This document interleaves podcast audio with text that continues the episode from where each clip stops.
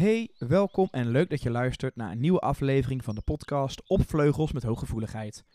Deze podcast is gemaakt door Inge Vleugels, eigenaar van Coach Tijk Balans, in de hoop dat je meer grip gaat krijgen op je hooggevoeligheid. Welkom bij deze podcast. In deze podcast ga ik je meenemen in het verhaal over pijnbeleving. Pijn ervaren we echt intenser als je hooggevoelig bent. Ons leven is sowieso intenser en we voelen intenser, we ervaren intenser en we hebben een hele rijke belevingswereld in ons hoofd. Helaas hebben we ook een lagere pijngrens.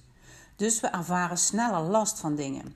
Zo zeg ik altijd: we hebben tien keer meer pijn, we zijn tien keer meer verdrietig, we zijn tien keer meer blij en we zijn ook tien keer meer verliefd. En dat maakt het best wel intens voor ons. Wat zijn nou veel voorkomende klachten? Uh, wat ik heel veel hoor is klachten rond nek en schouder. Uh, spiergewrichtsklachten moet je hierbij denken. Migraine en hoofdpijn. Buik- en darmklachten. En vaak ook slaapproblemen. Vaak is het zo dat als je medisch onderzocht wordt, er eigenlijk niks gevonden wordt.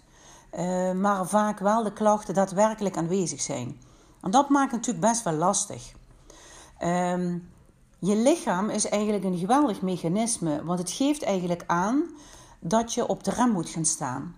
En dat je moet gaan stoppen, of dat je alert moet zijn, of dat je een stukje rust moet gaan pakken. En dan zeg ik altijd tegen de cliënten: wat als je lichaam nou slimmer is dan je geest? Ja, je ziet ook heel veel mensen die bijvoorbeeld overspannen of burn-out raken. Die gaan eigenlijk op hun daadkracht uh, verder. Maar op een gegeven moment lukt dat niet meer. En dan gaat het lichaam protesteren. En dan komen er allerlei klachten. En die klachten geven eigenlijk aan: neem rust, neem pauze en kijk eens om je heen. En is het goed wat je allemaal doet en doe je niet te veel?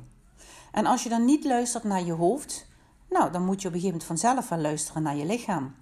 Want pijn is altijd een signaal om naar jezelf te gaan luisteren. Wat ook opvalt is dat uh, je vaker vatbaarder bent voor allergieën. En dat kan op het gebied van voedings, voedingssupplementen of voedingsstoffen zijn, maar dat kan ook op het gebied zijn van medicatie.